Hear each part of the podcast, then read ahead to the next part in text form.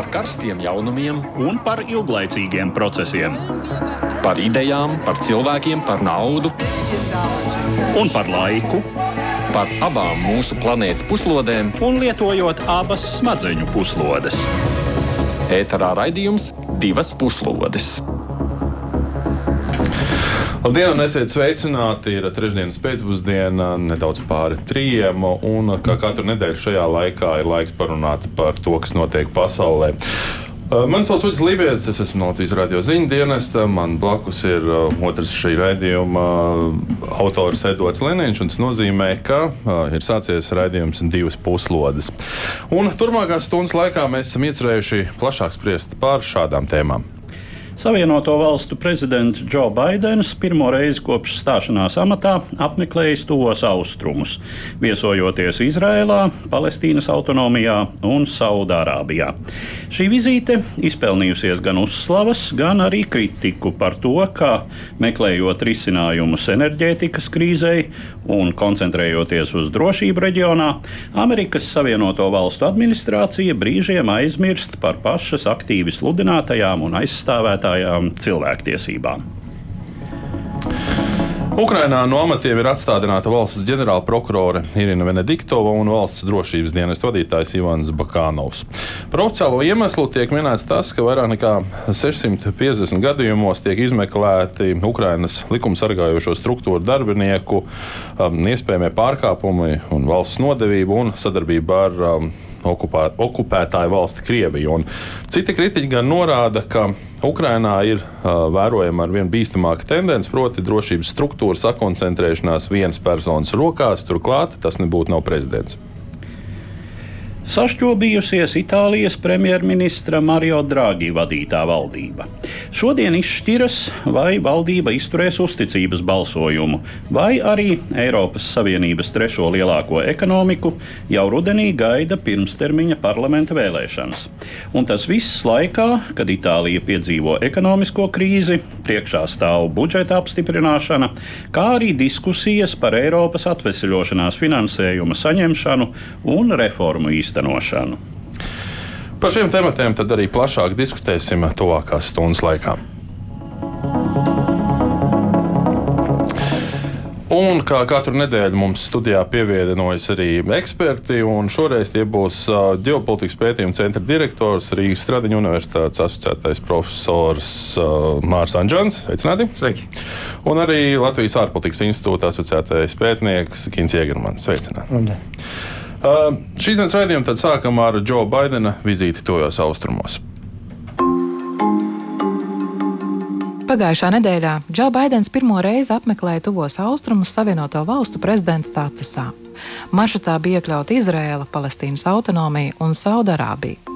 Kā jau bija sagaidāms, šīs vizītes pamatā apstiprināja amerikāņu politikas nemainīgās prioritātes reģionā un bija ieturētas aso šķautņu nogludināšanas garā. Viesojoties Telavivā, prezidents vēlreiz apliecināja Savienoto valstu principiālo gatavību balstīt Izraels drošību.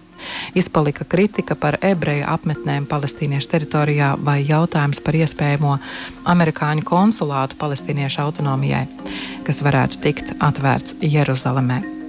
Toties prezidents Baidens un Izraels premjerministrs Jairs Lapits pauda vienotu nostāju, ka nav pieļaujama kodolieroču nonākšana Irānas rīcībā.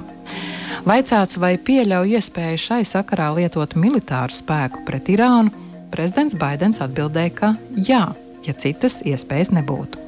Savukārt, viesojoties Palestīnas autonomijā un tiekoties ar tās prezidentu Mahmudu Abāsu, Baidens pauda simpātijas palestīniešu neatkarības centieniem, tos pat netieši salīdzinot ar īrijas savulaik izcīnīto neatkarības cīņu pret Britu virskundzību.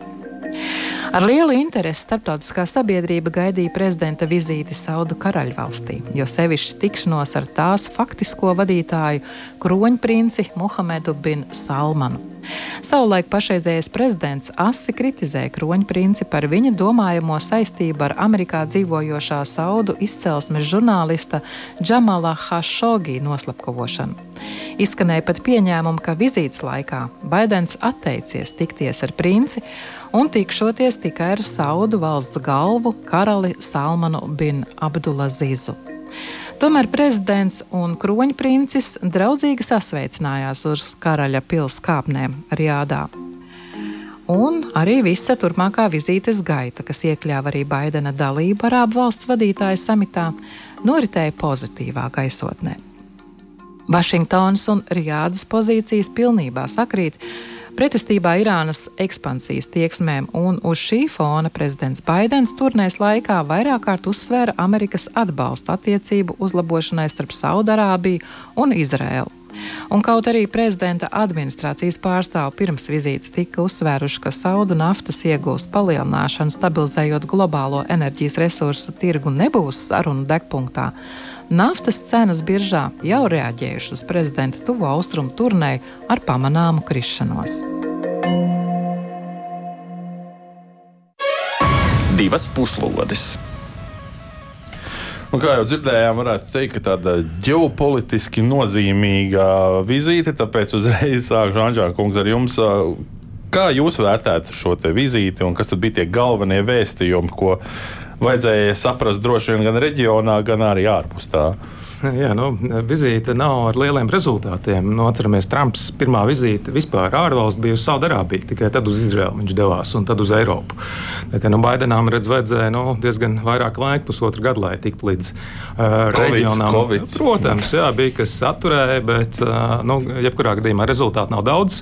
Par to viņš arī tiek uh, kritizēts, uh, arī par nu, tikšanos ar kroņprinci uh, Saudārābijas, bet vizīte bija ļoti nu, svarīga. Tāpat laikā atceramies šobrīd uh, Putins, uh, Erdogans un um, Teherānā tieks ar Irānas līderiem. Līdz ar to nu, tas parādās, ka uh, notiek cīņa par varu uh, reģionā, nu, ne tikai Krievija, uh, tāpat Ķīna, uh, Irāna pat par sevi spēlētājs. Protams, tuvajos austrumos Irānas kodolprogramma ļoti daudz jautājumu, tāpēc ir ļoti svarīgi, ka Amerika ir atpakaļ arī tuvajos austrumos. Rezultāti nav daudz, pasvītroja, ka ir Izraels gaisa kuģi varēs lidot pāri Saudārābijai, no nu, dažādu veidu sadarbība, kiberdrošība drošībā, energodrošībā, nu, zaļajos jautājumos, ja, un, un kas tikai nav. Bet, nu, tādu taustām rezultātu nav, bet simboliski ļoti svarīgi. Tas viens no tiem um, galvenajiem uzdevumiem bija pārliecināt Saudārābiju arī palielināt naftas iegūs apjomus, lai kompensētu iztrūkumus globālajā tirgu, lai mazinātu amerikāņus ļoti satraucošo degvielas cenu kāpumu, par ko gan viņiem vispār nevajadzētu satraukties manā uzturē. Uh, tomēr arī uh, kā jau arī minēts, tika gan ierakstā, gan pirms tam, ka mm, diezgan daudz kritikas tiek teikts, ka uh, amerikāņi ir aizmirsuši savus postulētos cīņu par uh, cilvēktiesībām, cilvēktiesību aizstāvību. Uh, Jēgermaņa, kā no jūsu skatu punkta liekas, no šīs ekonomiskās intereses pret uh, tādām demokrātiskām vērtībām vienmēr ļoti tāds nu, slidens jautājums. Nu, mēs skatāmies uz Amerikas Savienoto Valstu vēsturi vismaz pēdējo simts gadu laikā. Šī ir bijusi tēma, kas Alžīrija ir bijusi diezgan nu, saka, slidena, jo no vienas puses ir svarīgas ģeopolitiskās intereses. Nu, tagad īpaši laikā, kad ieroči tiek lietoti, tepat ne, mūsu kaimiņos Ukrajinā, ir ļoti lieli satricinājumi priekšplānā acīm redzot, iz, izvirzās intereses, kuras uh, nu, noteiks uh, kaut kādā mērā mūsu planētas nākotni tuvākajā laikā. Līdz ar to cilvēktiesību aizstāvjiem uh, varbūt nāksies vairāk kritizēt gan Joe Bidenu, gan varbūt arī citus pasaules līderus, bet nu, fakts ir tāds, ka Eh, tā sauktajai rietumu pasaulē, no amerikāņu šajā gadījumā ir izņēmums, jo viņi ir diezgan pašpietiekami enerģētikā un arī daudzos citos jautājumos. Bet, teiksim, Eiropa, kur ir milzīga atkarība, enerģētiskā atkarībā, tiek, tiek meklēti jauni piegāžu varianti, tieši enerģētikā, nafta, gāze. Proti, amerikāņi šajā gadījumā visnotaļ spēlē, atkal spēlē līderu lomu Un, nu, cilvēktiesības ir aktuālas, bet šobrīd, acīm redzot, ir citas tēmas, kas ir, kas ir aktuālākas. Nu, man ir jautājums, vai šādos krīzes apstākļos vispār šīs divas lietas, nu, globālas lietas, gan vērtības, gan ekonomiskās intereses, daudzām valstīm pat izdzīvošana, vai viņas ir samērojamas vispār? Nu, jā, nu, tas parāda, ka starptautiskajās attiecībās nav melns un balts, un šajā gadījumā arī nu, nav Saudārābija uh, balta. Pavisam nav. Nu, ir izvēle starp ļaunumiem, un viennozīmīgi nu, reģionālā līmenī Saudārābija ir viens no mazākajiem uh, ļaunumiem. Saudārābija arī pat ir iesaistīta dažādos konfliktos, tostarp Jemenā, kur arī Baidens pasvītroja kā vienu no iznākumiem, ka tiek pagarināts nu, šis miera process vai nu, pamiera process. Nu, Saudārābija daudzas problēmas pēdējā laikā tā ir mēģinājusi modernizēties, reformēties. Un, nu, labi zināmā Džamāka Šogi slepkavība, Baidens to ir turējis darba kārtībā, ir aizrādījis kronprincim par to. Ka, nu, tas arī ir pietiekami būtiski. Arī tas laika periods, ko Baidens ir pavadījis, nu, savā ziņā ignorējot Saudārābiju, tas ir bijis sots. Nu, mēs nevaram sagaidīt, ja, ka Eh, kronprincis tagad eh, atzīsies eh, slepkavībā vai atkāpsies no amata, nekas tāds nenotiks. Līdz ar to nu, kaut kāds sots ir bijis, ir jāvirzās tālāk. Ir svarīgākas lietas, tāda realitāte pasaulē.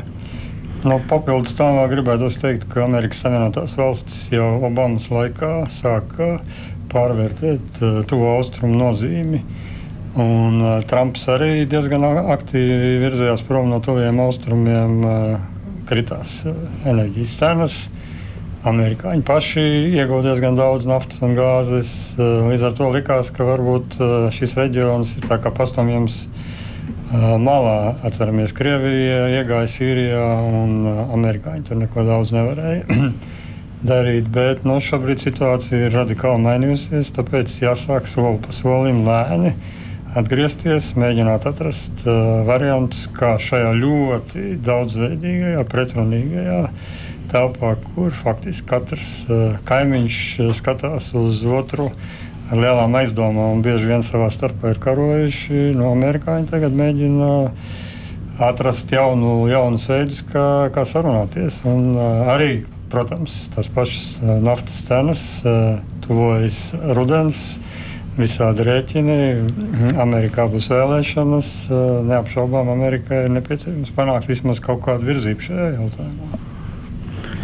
Nu, atbildot uz tavu jautājumu, tas jau ir motīvs, par ko mēs laiku pa laikam runājam.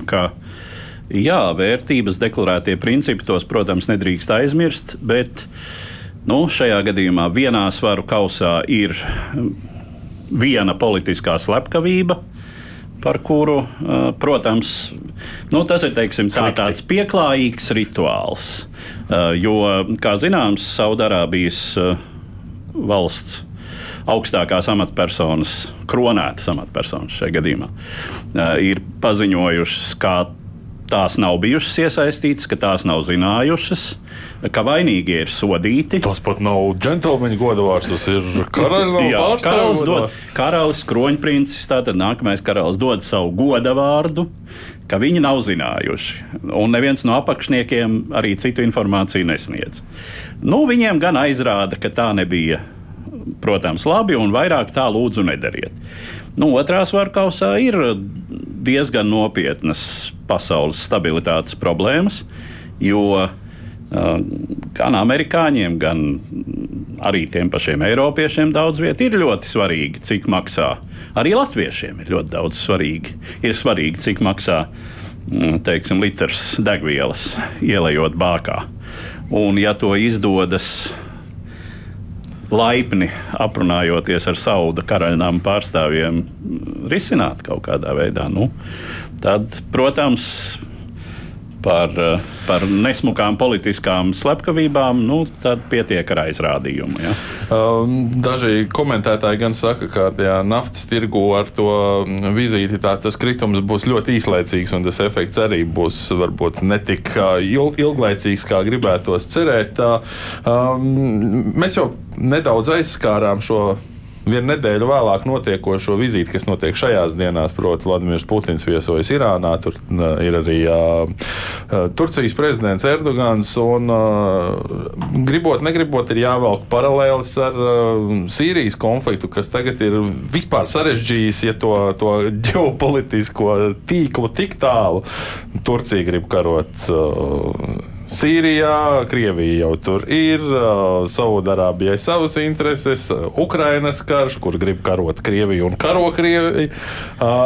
Attiecīgi, šī... Krievijai, Sīrijai ir krietni mazāk, mazāk resursu. Tieši tā. Jautājums, kā šī te, nu, nezinu, kaut kāda sāncensība, kas ir varbūt Putins, uh, Baidens, uh, Saudārābija, Irāna, Turcija, kā šī sāncensība ietekmēt varētu procesu, kas notiek gan reģionā, gan arī Ukrainā tālāk. Pasaulē ir kā savienotie trauki, ne, ka tas nu, ūdens no viena trauka pārlist citā, un, un, un šeit arī visi tie konflikti saistīti savā starpā. Nu, vēl Putins uh, Irānā, uh, kur nu, potenciāli Irāna var piegādāt uh, bezpilota izmantot ledaparātus, viena no lietām, kas Irāņiem tīri labi sanāk.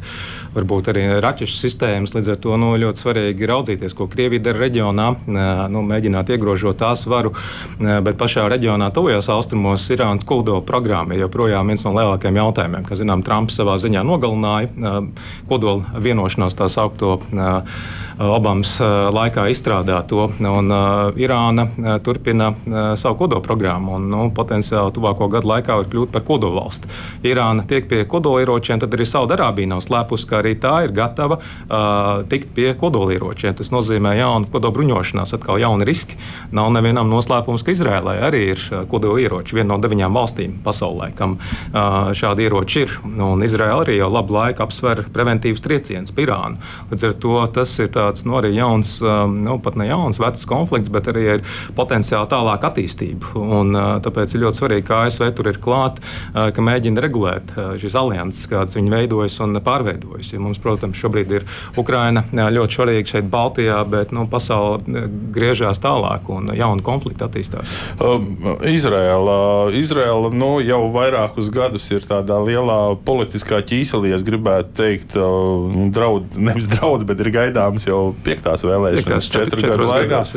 Uh, jautājums, šis Izraēlas faktors arī, uh, cik tas ir nozīmīgs un, un vizīte, Baidena vizīte pie Izraēlas pašreizējā premjerministra, uh, jo nu, arī nu, ASV pozīcija vienmēr ir bijusi Izraēlas pusē, atkal tāpat Eiropas Savienība nevienmēr ir bijusi tik atbalstoša jautājumos par palestīniešu apmetnēm, piemēram. Kā jūs redzat, eh, Izraēlas faktoru, vai tas ir tikai tāds nu, pieturas punkts? Nu, ja jau esam tajā reģionā, tad vajadzētu paviesoties. Nu, Izraela, protams, ir temats, par kuru mēs varētu atsevišķi vienu raidījumu norunāt, eh, bet skaidrs, ka šīs eh, vizītes kontekstā ir jāpakāpjas viens solis atpakaļ. No vienas puses, prezidents Trumps nu, diezgan tur viņiem sarežģījās attiecības Izraēlai ar, ar ASV. no otras puses, jau Trumpa laikā tika panākt vienošanās starp Izraēlu, apvienotiem Arābu Emirātiem un, un Bahreinu, kas guva nosaukumu Abrama vienošanās. Lūk, Tā kā šeit ir jauns mēģinājums radīt reģionā ekonomiskās attiecības, kur ekonomisko attiecību faktiski nekādu līdz šim nav bijis. Tur bija liekas, kopējā, kopējā tirdzniecība bija kā 13%. Tagad šis ir viens, viens no aspektiem, ko mums vajadzētu ņemt vērā. Otrs ir tas, ka um, nu, Izraela nekad nav slēpusi savu attieksmi pret Irānas uh, kodolprogrammu. No otras puses, uh, Krievija, kura um, pēdējos gados ir bijusi diezgan piesardzīga veidojot attiecības ar Irānu, šobrīd ir piespiedu. Nu, Krievijā ar, ar Irānu vienmēr ir bijušas uh, savdabīgas attiecības, tie ir bijuši partneri, bet nu, tā liela uzticība viņu starpā nekad īsti nav bijusi. Tad tagad uh, šis ir uh, ārkārtīgi svarīgs brīdis, uh, kad abām valstīm mēģināt piespiedu kārtā atrast kaut kādas jaunas draudzības pazīmes. Nevelti vakardien uh, Ajatola. Hamenei, laikam tā viņa izrunā latviešu, paziņoja to pašu, vai līdzīgi, kā teica Ķīnas vadītāji, nu, ka principā uh, karš Ukrainā bija piespiedu risinājums. Ja Krievija nebūtu spēruši soli pirmā, tad uh, NATO un Rietumu valstis kopā ar Ukrajinu būtu apdraudējušas Krieviju. Līdz ar to tur ir atkal.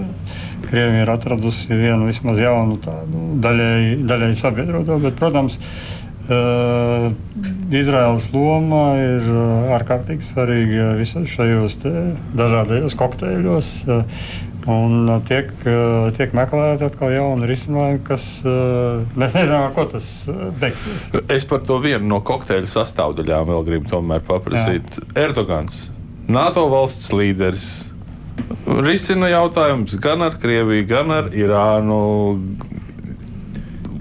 Ir, ir atteicies visdrīzāk no domas, ka Turcijai vajadzētu iestāties Eiropas Savienībā. Uh, Nu, jā, bet viņš joprojām ir NATO dalībvalsts, kas, jā, runā, jā. kas runā ar Krieviju. Nē, nu, Turcija acīm redzam ir, ja var tā teikt, īpatnākā NATO dalībvalsts. Arī Somijas, Zviedrijas pievienošanās vēl nu, nav teicis, ka tā būs. Liela daļa valsts jau ratificējuši, domāju, NATO dalībvalsts, bet Turcijā nu, tas arī var nenotikt, ja netiks izpildītas Turcijas prasības par nu, konkrētu personu izdošanu un līdzīgi. Nu, Turcija arī nav piemērojusi sankcijas Krievijai, mēģina vidutāju tēlot. Varbūt tas arī izdosies ar graudu naudu eksporta ar līdzīgām lietām. Nu, Turcija, jāsaprot, tā ir NATO sastāvā, bet no NATO ir 30 valsts, drīz būs 32. Tās ir ļoti dažādas. Un Turcija visdrīzāk ir nu, tāda citādākā. Nu, tā ir arī vien, vienīgā, var teikt, tāds būtiskais tuvo austrumu spēlētājs, nu, ja neskaitā ASV, kas attāli darbojas. Un Turcija vienmēr ir bijusi tāda nu, pēdējā laikā ar, ar dažādām interesēm un īstenībā būtībā daudz vektoru pieeja. No vienas puses ar vienu kāju rietumos, bet ar citām kājām citviet. Turcija arī nu, pēdējās desmitgades laikā ārkārtīgi aktīvi ir kļuvusi ķurku valodās runājošajās valstīs, Centrālā Azijā, arī Āfrikā. Nu, tā darbojas ar attīstības palīdzību, ar ekonomisko sadarbību. Tās būvniecības uzņēmumi daudz kur darbojas, un līdz ar to tādu nevar Turcija ievietot melns un balts kategorijās. Bet ar laiku, protams, rodas jautājums, kurien Turcija iet. Skaidrs, ka tas vairs nav no 23. gadā, kad izveidoja moderno Turciju uz rietumiem Turcija nu, iet savu ceļu, neatkarīgu ceļu. Tā skaidrs nebūs Eiropas Savienībā formātā. Ir viena no dalību valsts kandidātēm, bet tā nebūs Eiropas Savienībā. Domāju, to arī Turcijā ļoti labi saprot. Uh liksim tojiem austrumiem punktu. Saka, austrumi, daudz punktu. Daudz punktu, jā, jo krieviski tas teiciens, ka austrumi ir tāda smalka lieta, bet mēs pievērsīsimies nedaudz tuvākam reģionam, šeit pat arī jau pieminētajai Ukrainai. Svētdien Ukrainas prezidents Volodimirs Zelenskis paziņoja, ka nolēmis atstādināt no amata Ukrainas drošības dienesta šefu Ivanu Bakānovu un valsts ģenerālprokurori Irīnu Venediktovu. Kā motīvu prezidents minēja vairāk nekā 650 šobrīd izmeklējamo gadījumu par Ukrainas likumsargājušo struktūru darbinieku valsts nodevību un kolaborāciju ar okupētāju valsti Krieviju. Nepilni 200 šādu darbinieku atzīti par aizdomās turētajiem. Viskaļākais gadījums ir nesen arestētais Ukrainas drošības dienesta Krimas reģionālās pārvaldes vadītājs Oleks Kuļiņš. Sākotnējai Bakānova un Venediktovas atstādināšanai sekoja parlamenta vakar notikušais balsojums par abu amatpersonu atbrīvošanu no amata. Abi atlaistie ir prezidenta ilglaicīgie līdzgaitnieki un pieder pie viņa komandas kodola.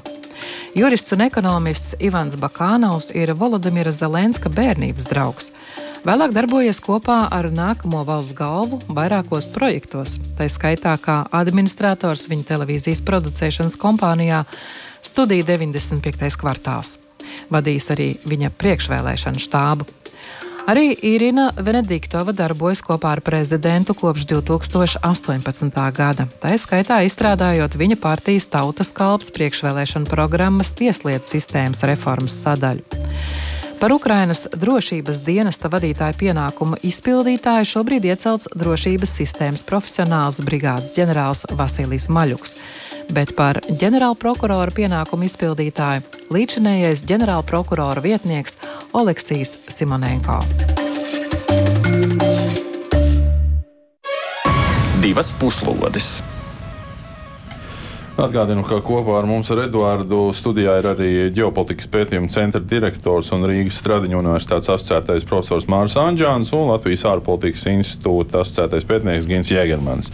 Uh, bet pirms mēs plašāk ķeramies klāt uh, Ukrainas tēmas iztirzāšanai šeit studijā, paklausīsimies, kā notiekošās pārmaiņas Ukrainā komentē Ukraiņu politologs un arī komentētājs Dmitro Ļevušs.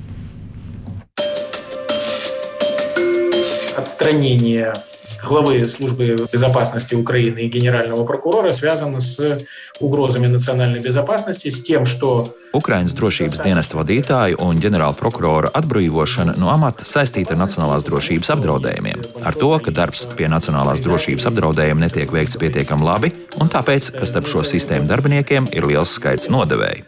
Tas tiešām ir objektīvs skaidrojums. Turklāt, es domāju, tieši Venediktovas gadījums liecina, ka tas patiešām ir iemesls.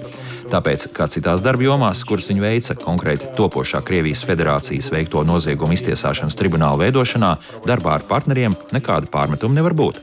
Šai ziņā ģenerāla prokuratūras darba ietvaros ir nonākts pie tā, ka līdz vasaras beigām būs kaut kāds rezultāts. Teiksim, starptautiskais prokurors Karims Hans nepārāk vēlējās strādāt Ukrajinā.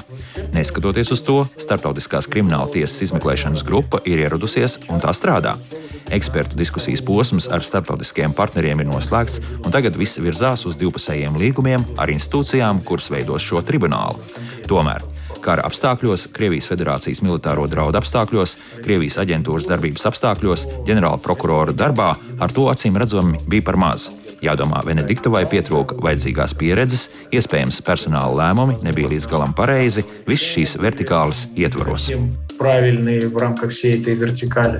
По главе службы безопасности Украины, так, там эти вопросы возникали, и Kas attiecas uz Ukraiņas drošības dienesta vadītāju, šie jautājumi tur radušies ne pirmo reizi. Tas, ka notika šī atlaišana, bija absolūti loģiska. It īpaši, ja atceramies, ka pirms tam tika arestēts Oļegs Kuļīņš, bijušais Ukraiņas drošības dienesta galvenās pārvaldes priekšnieks Krimā, kur birojs atradās Hersonā. Tas, ka drošības dienesta vadītāja pienākumu izpildītājs tagad ir Vasilijs Maļuks, arī ir visumā loģisks lēmums. Viņš ir cilvēks tieši no šīs struktūras, kurš nogājis visu šo ceļu. Bakānovam šādas pieredzes nebija, bet es te nesaskatu kādu politisko fonu. Es to neredzu viena vienkārša iemesla dēļ. Mēs patiešām karojam, mums ir draudi no Krievijas federācijas. Sabiedrībai ir absolūti loģiski jautājumi. Kā tas notika, ka tika okupētas nozīmīgas teritorijas Ukraiņas dienvidos, un viena no šīm atbildēm ir šī Kuļīņķa darbības izmeklēšana, kas novedusi pie viņa apcietināšanas un aresta, un vispār tas, ka visā Ukraiņas drošības dienesta vertikālē ir 600 lietu par iespējamiem nodevējiem cilvēkiem, kas ir darbojušies Krievijas labā Tā kā tas ir absolūti loģisks valdības lēmums šādos apstākļos. Varbūt tam vajadzēja notikt pat vēl agrāk, bet acīm redzot, tas netika darīts līdz brīdim, kad arestēja Kuļīņiču, kad parādījās šie konkrētie fakti par Krievijas aģentu darbību. Manuprāt, tieši šis apstākļus arī apliecina šī lēmuma loģikas pareizību. Показывает стройность логики вот этого решения. Я не думаю, что имеет смысл говорить о том, что масштабный. Es nedomāju, ka ir jēga runāt par kādu liela mēroga sazvērstību vai sabotāžu, kas noved pie šīs okupācijas. Sacīt, ka mēs atdevām dienvidus. Vienkārši iemesla dēļ tur notika kaujas un nopietnas kaujas. Šeit ir runa par ko citu, ka pagājuši gandrīz pieci mēneši, un sabiedrībai bija gaidas, valsts vadībai, prezidentam bija gaidas, ka būs radikāli lēmumi, tostarp Ukraiņas drošības dienesta un prokuratūras attīrīšana no nepārprotamiem kolaborantiem vai vienkārši amatam neatbilstošiem cilvēkiem. Taču tas nav noticis. Tātad tiešām kara apstākļos, kad ir nepieciešama elastība un operatīvums lēmumu pieņemšanā, Bakānovam to noteikti pietrūka, un iespējams pietrūka arī ģenerāla prokurorei. Tāpēc Ukrainā eksperta aprindās un pilsoniskajā sabiedrībā šo vadības lēmumu uztver kā pilnīgi pamatotu. Они, в общем-то, нормально восприняты в Украине. В экспертной среде, в гражданском обществе.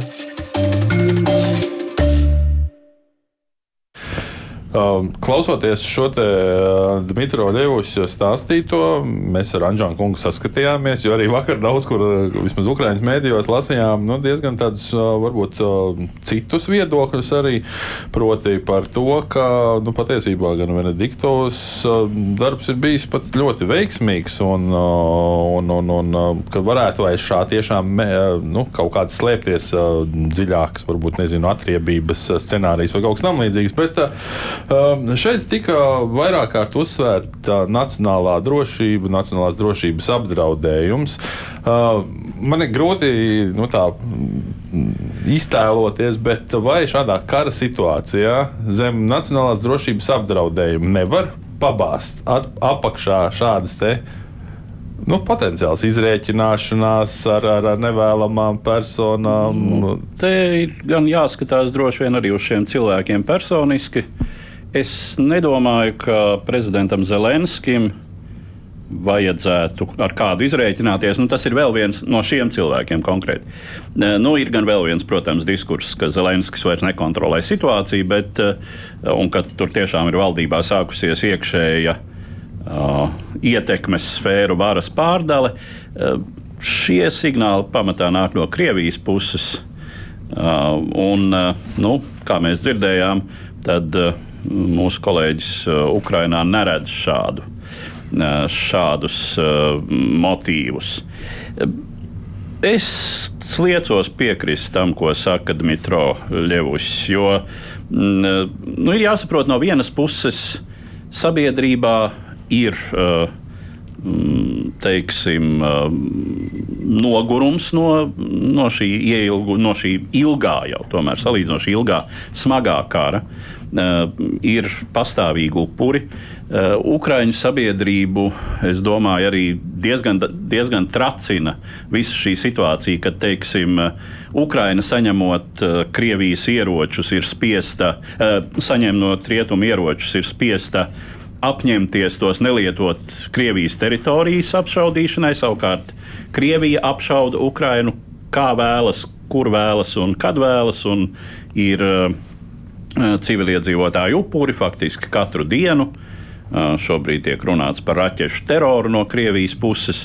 Šobrīd ir tāds līdzsvara moments, kad arī ir gaidas par to, kad beidzot šie rietumu ieroči rādīs savu efektu, kad sāksies pretuzbrukums dienvidos, kas tiek gaidīts, un lūk, visi šie motīvi kopā un tas, ka Uh, nu, šobrīd ir tas brīdis, kad, uh, kad ir skaidrs, cik uh, grūti būs šos dienvidus Krievijai atkarot.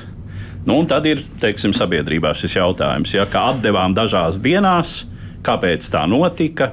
Runa ir par vienu konkrētu tiltu, kas it kā nu, netika uzspridzināts, bet nu, nu ir jāsaka tā, ka.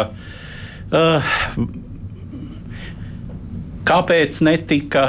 Vai vispār vajadzēja šo tiltu uzspridzināt, par to mēs varēsim spriest piecus gadus pēc kara beigām. Uh. Man, man, uh, protams, uh, nu, kaut kādu vainīgo meklēšana ir nepieciešama, un arī sabiedrības pieprasījums pēc tā ir. Bet kādu signālu tas uh, dod uz ārpusi, ka kara laikā valstī notiek pārmaiņas tik nozīmīgos uh, posteņos. Uh, un uh, šīs nav, starp citu, pirmās. Ģenerāla prokurors un drošības dienas vadītāji nav pirmie amati. Ir bijuši vēl nu, pārmaiņas valdībā. Anžākungs, kā jums liekas, kas, ko tas dod uz ārā? Ja, nu, parasti kara laikā sabiedrība nelīdz saliedējas, saliedējas ap savu karogu, ap līderi. To arī redzējām Ukrajinā diezgan izteikti. Nu, tas, kas tagad notiek, tas liecina par kaut kādu viļņošanos. Un, nu, loģiski, ka pieci mēneši jau tūlīt būs riņķī, kopš karš notiek un kaut kāda viļņošanās, pārkārtošanās notiek. Iespējams, nu, cīņas par varu aizkulisēs. Un, tās kritiskākās balss, kas izskan Ukrajinā, nu, ka iespējams nepietiekama lojalitāte izrādīja šīs divas amatpersonas, vai arī nu, pārāk aktīvi vērsās arī pret kādām nu, teiksim, korupcijas lietām. Un, nu, tiek arī izteikts versijas par to, ka tas notiek šobrīd arī Zelenska biroja vadītāja vietnieka interesēs, kurš arī pats ir bijis apsūdzēts par korupciju. Līdz ar to, nu, tur, jā, tieši tā, un līdz ar to nu, Ukraina arī nu, pirms kara bija pietiekami daudz problēmas. No, likuma ar korupciju bija viena no tām, un skaidrs, ka tagad nu, karš ieiet kaut kādā tādā pat rutīnā, ja tā var teikt, ka loģiski sāk nākt lākā visādas lietas. Nu, pilnīgi noteikti pamatojums ir savs arī tajā, ka ir pietiekami daudz kolaborantu arī Ukraiņas pusē, bet nu, tāda ir visos konfliktos. Nu, ikvienā konfliktā kāds pārbēgs pārējā citā pusē. Nu, tas, ko atliek cerēt, ka tās nu, pārmaiņas, kas būs, ka viņas būs tiešām efektīvas, ka notiecīgie dienas strādās vēl labāk un arī panākumi būs labāki fronts līnijā. Bet nu, tam noteikti nebūs tāda nu, garantija, ka nu, šīs pārmaiņas to vesīs. Uh, Ukraiņas ģenerāla prokuratūra iepriekšējais ģenerālprokurors Rimuldos Lucenko vienu brīdi tas tika diezgan aktīvi kritizēts par to, kā viņš uh, vadīja procesus.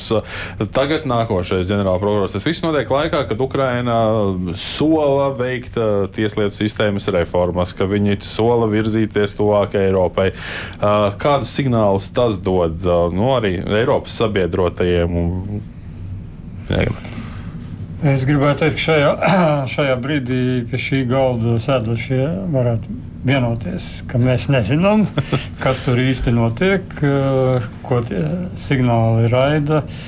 Arī līdz galam mēs nezinām. Nu, Ukraina ir bijusi sarežģīta valsts ar diezgan krāsainiem procesiem. Atceramies, vēl neilgi pirms kara pašreizējais prezidents mēģināja izreikināties ar iepriekšējo prezidentu. Tagad tur notiek vis kaut kādas lietas, par kuru īsto dabu droši vien mēs varam tikai nojaust. Tas pats drošības dienesta vadītājs ir Zaļenska bērnības draugs. Ja tur būtu bijuši kaut kādi nu, ārkārtīgi skaidri redzami pārkāpumi, šie abi cilvēki, gan ģenerālprokurori, gan drošības dienas vadītājs būtu atlaisti nekavējoties, bet eh, dažas dienas eh, notiek runas par to, ka viņi, tiek, viņa darbība tiek apturēta uz laiku. Līdz ar to nu, arī šis rada iespaidu par kaut kādām lietām, kuras mums ir grūti izskaidrot. Bet skaidrs ir viens, ka Uh, nu, tajās teritorijās, kas ir nonākušas Krievijas uh, pārziņā šobrīd, ir palikuši drošības dienas darbinieki. Izskatās, ka pēc ziņām, ka viņi varbūt kaut kādā veidā ir sākuši sadarboties ar Krieviju. Uh, mēs ne, nezinām, cik dziļi vispār Krievija ir spējusi iefiltrēties pa šiem gadiem, jo no Ukrainas un Krievijas elitēm uh, diezgan ilgstošu laiku ir bijušas uh, sarežģītas attiecības, bet ļoti ciešas arī attiecības. Nu, arī abām, abām valstīm ir bijušas tik ciešas attiecības, kādas mēs, uh, nu, kādas faktiski nekad uh, nav bijušas nevienai no Baltijas valstīm pēc neatkarības atgūšanas. Nu, atcerēsimies kaut vai līdz 14. gadam. Uh, pat robeža netika īsti kontrolēta starp uh, Krieviju un Ukrajinu. Mēs esam atgriezušies turpat, tā kā arī tagad netiek īpaši kontrolēta. Jā, bet uh, atgriežoties pie, pie ģenerāla prokuratūras un ģenerāla prokuroras. Es gribētu teikt, ka šādos apstākļos, kad nu, valsts tiek metodiski iznīcināta un viņiem ir jākaro pret milzīgu pārspēku diezgan, diezgan sarežģītos apstākļos, Uh, nu, cerēt, ka visas reformas pilnībā izdosies īstenot, būtu acīm redzot naivi. No otras puses, man likās simptomātiski ziņa par to, ka, liekas, ka vakardien vai aizvakar ASV tomēr paziņoja, ka viņi turpinās dalīties ar izlūkdienestu informāciju ar Ukraiņas pusi. Līdz ar to, uh, ja, jau, ja jau amerikāņi, arī varbūt tas ir vienkārši signāls, lai, lai kaut kā to situāciju padarītu mm, mazliet mazāk sāpīgu. Bet, uh, Nu, mēs nevaram. ASV un Lielbritānijas uh, dienesti tomēr ir bijuši ļoti nozīmīgi visā šajā procesā. Viņiem ir svarīgi, lai, lai, lai, lai šajās tiesību sargājošo iestāžu iestādēs eh, nu, viss būtu daudz maz eh, arī viņiem saprotami. Es domāju, ka tur. Eh, nu jā, šajās dienās arī izskanējis, ka Benedikto nekur tālu nepazudīšot, ka viņa turpinās šo strādāt un viņai esot atvēlēta loma citos nozīmīgos procesos, kas Ukrainā stāv priekšā. Nu, jā, tā tad tiešām varētu būt. Bet šāda, nu, šāds signāls par to, ka mēs zinām, cik daudz ir lietu pret šiem kolaborantiem. Mēs zinām, ka jūsu ir daudz. Kā šis signāls vai viņš sasniegs tos pašus cilvēkus, uz ko tas vēstījums ir domāts, nu, potenciālajiem kolaborantiem, kas sadarbojās. Cik nozīmīgs tas ir tādā psiholoģiskā līmenī? Nu, es domāju, ka drīzāk ne jau potenciāliem kolaborantiem, kuriem uh, ir uh, tā, tās izvēles ir pavisam citādi motivētas arī runājot par tiem Ukraiņas drošības dienestu darbiniekiem, kas ir palikuši Krievijas okupētajā teritorijā.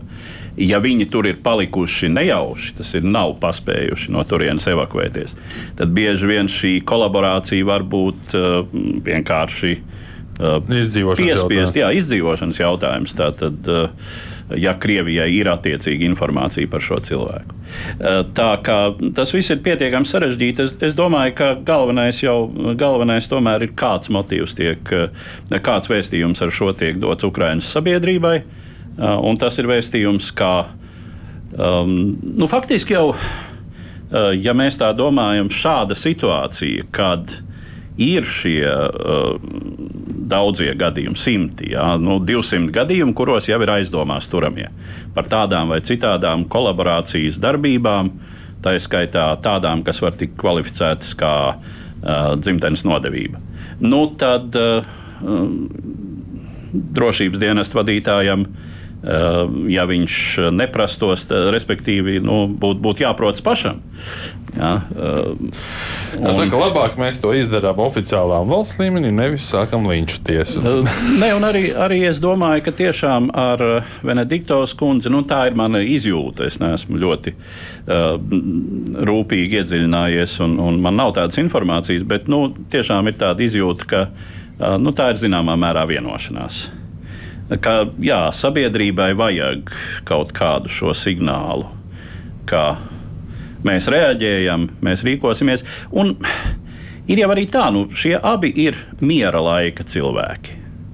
Uh, un, starp citu, jā, es tādu jautājumu arī Dmitro uzdevu, tas palika ārpus uh, mūsu ieraksta. Uh, nu, kā viņam šķiet, un viņš man piekrīt, jā, viņi ir bijuši savā amatā miera laikā. Ļoti iespējams, ka viņu tīri personiskās kvalitātes īsti neatbilst kara laika prasībām. Varbūt atgriezīsies, tad, kad iestāsies miers. Labi, liekam Ukrainai arī punktu un dodamies tālāk uz uh, Eiropas dienvidiem, uz Itāliju. Bezpartiskā premjerministra Mario Draghi kabinets Itālijā tika izveidots pagājušā gada februārī, kā izteikta varavīksnes valdība, kuru līdz šim atbalstīs absolūtais vairākums abu Itālijas parlamenta palātu deputātu. Vairāk nekā puse no Dragī kabineta ministriem, tā skaitā iekšlietu, tieslietu, ekonomikas un finanšu resoru vadītāji, ir bezpartīski. Savukārt partiju deleģētie kabineta locekļi pārstāv visplašāko politisko spektru.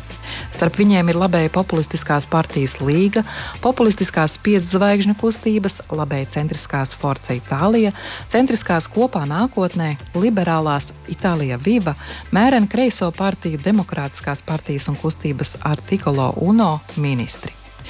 Pagājušā ceturtdienā šī sarežģītā konstrukcija sašķobījās, kad pirms izšķiroša balsojuma par valdības turpmākās rīcības plānu parlamenta augšpalātā senāta zāli pameta piedzvaigžņu kustības senatori. Kustības līderis Giuseppe Conte vaino premjeru nepietiekamos centienos apkarot pieaugušo dzīves dārdzību. Lai arī bez piedzvaigžņu kustības balsojums bija pozitīvs, premjerministrs vērsās pie valsts prezidenta Sergio Matarellas ar ierosinājumu demusinēt, kas tomēr nenotika.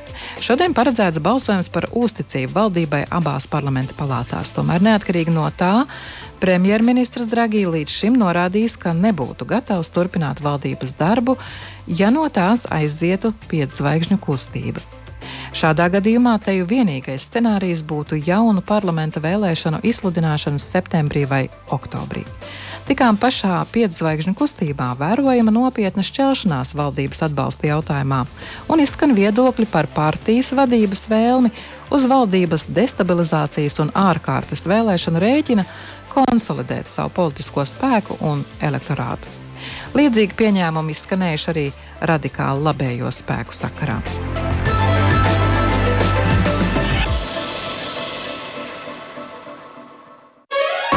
Divas puslodes.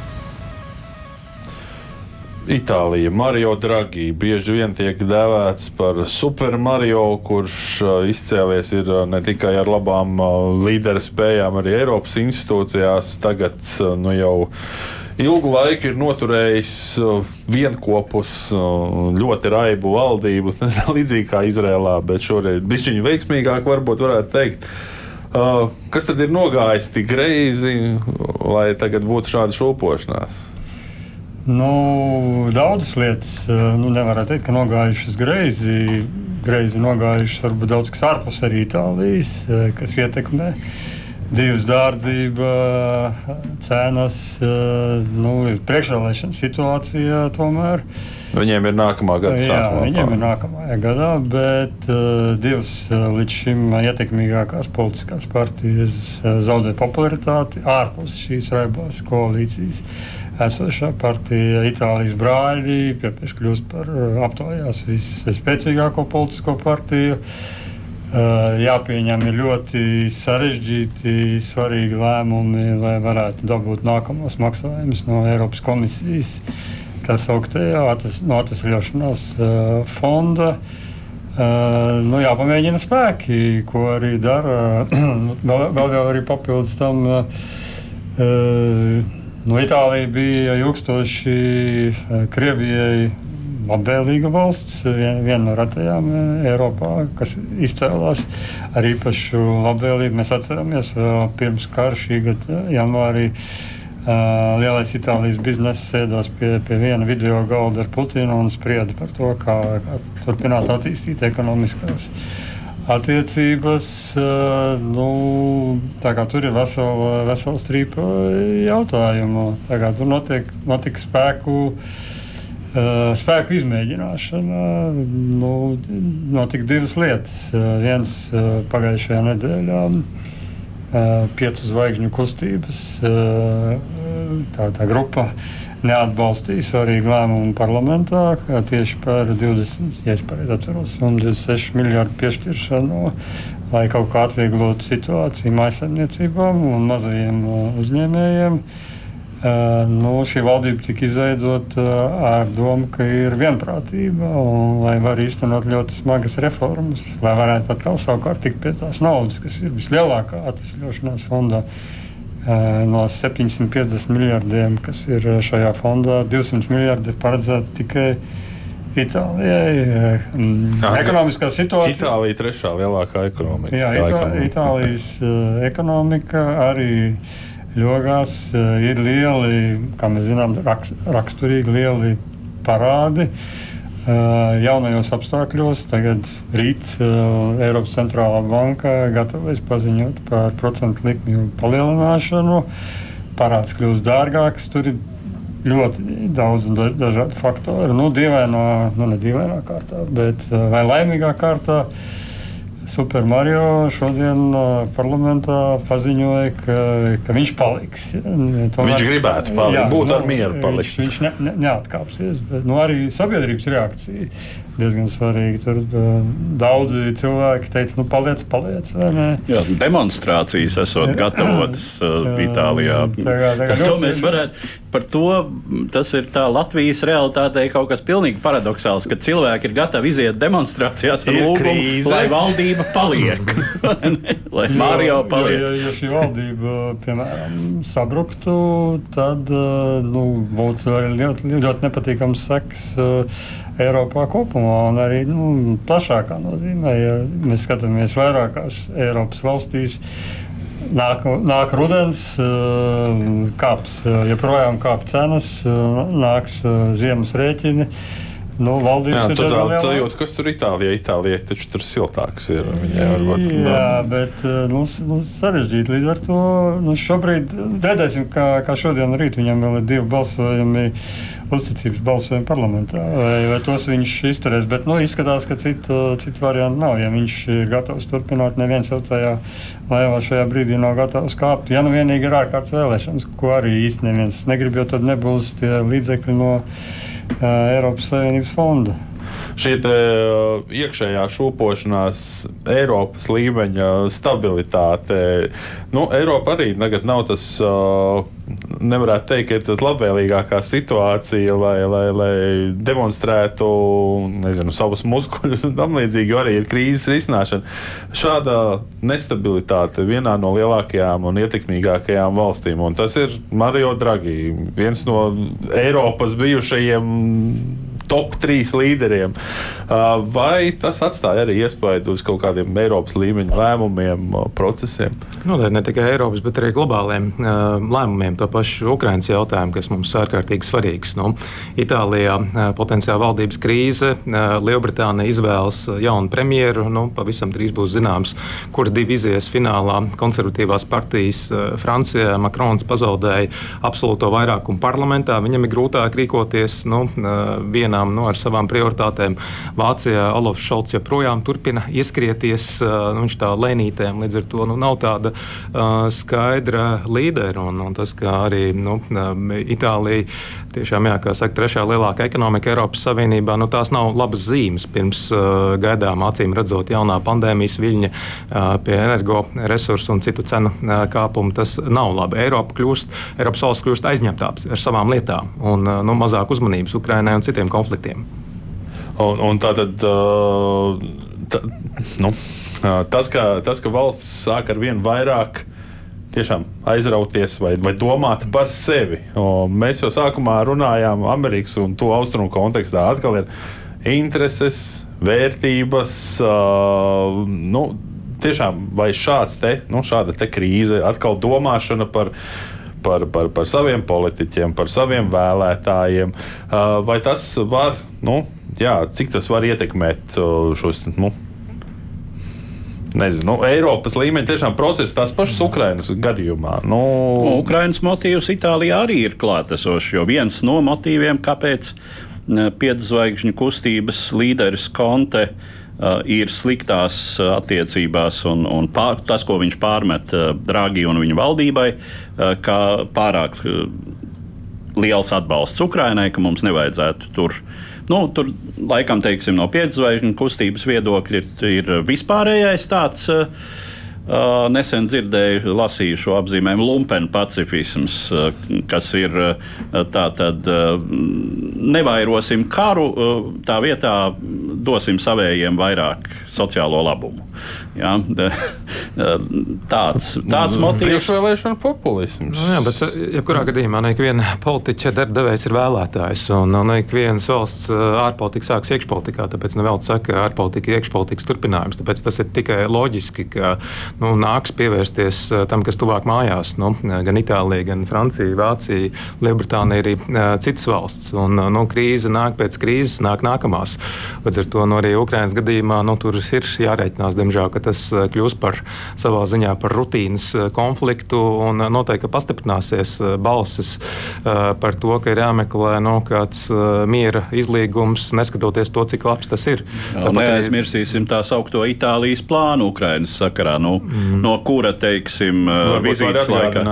Nu, tā tad, kā Ukrainai vajadzētu sēsties ar Krieviju, jā, nu, ir jāpanāk vispirms uguns pārtraukšana, un tad ir jāsēžās pie sarunu galda par strīdīgajām teritorijām. Uh, ar ko iespējams tika saprast, nu, šis šis, tā bija skice. Ja? Tas, tas nebija, eh, nebija cieti noteikts, bet nu, ar ko varētu saprast visas šobrīd Krievijas okupētās teritorijas. Tas, protams, Ukraiņai ir no Itālijas puses liktos, ka par strīdīgām tiek domāts viss, kas izņemot Krimu. Kaut gan Ukraiņa noteikti tam nepiekrist jebkurā gadījumā. No, jā, ja, nē, nu, un, un pēc tam, protams, tika ieslēgta atpakaļgaita un teikts, ka nē, nē, nē.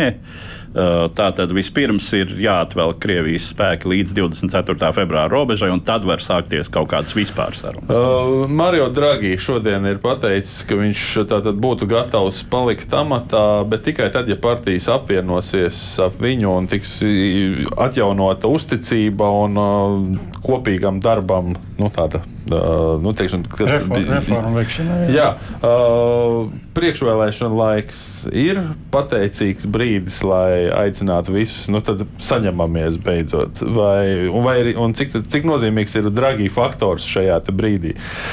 Mums ir apmēram minūte laika. Lai Es domāju, ka šis faktors ir ārkārtīgi nozīmīgs, bet nebūsim naivi. Tiklīdz uh, politiķiem ir nepieciešama kaut kāda dabūt savu vēlētāju balsis pie, pie pirmās izdevības, ja viņi nespēs vienoties. Un Dragi jau gan arī nodemonstrēja, ja, ja nav šīs vienošanās, es atkāpjos. Līdz ar to tur, tur šī spēle redzēsim, vai tā valdība izturēs līdz, līdz nākamajam pavasariem. Mums šodien daudz ko atliek likt daudz punkti arī šai tēmai. Skatīsimies, kā attīstīsies notikumi. Šodien rīta gaidām Itālijā balsojumu par Dragi valdības stabilitāti. Un šajā brīdī man arī ir pienācis laiks likt punktu mūsu šīs dienas raidījumam. Atgādināšu, ka šodien studijā bija ģeopolitikas pētījuma centra direktors Rīgas Stradiņu universitātes asociētais profesors Mārcis Anģēns. Paldies! Arī Latvijas ārpolitikas institūta asociētais pētnieks Gins Mārtiņš Jēgermanis. Edvards Liniņš, es Uģis Lībijams, Latvijas radio ziņu dienesta.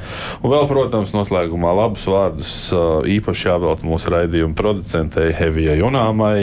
Un, Tiekamies atkal pēc nedēļas raidījumā, divas puslodes, kad atkal runāsim par aktualitātēm ārpus mūsu valsts robežām. Vislabāk! Divas puslodes!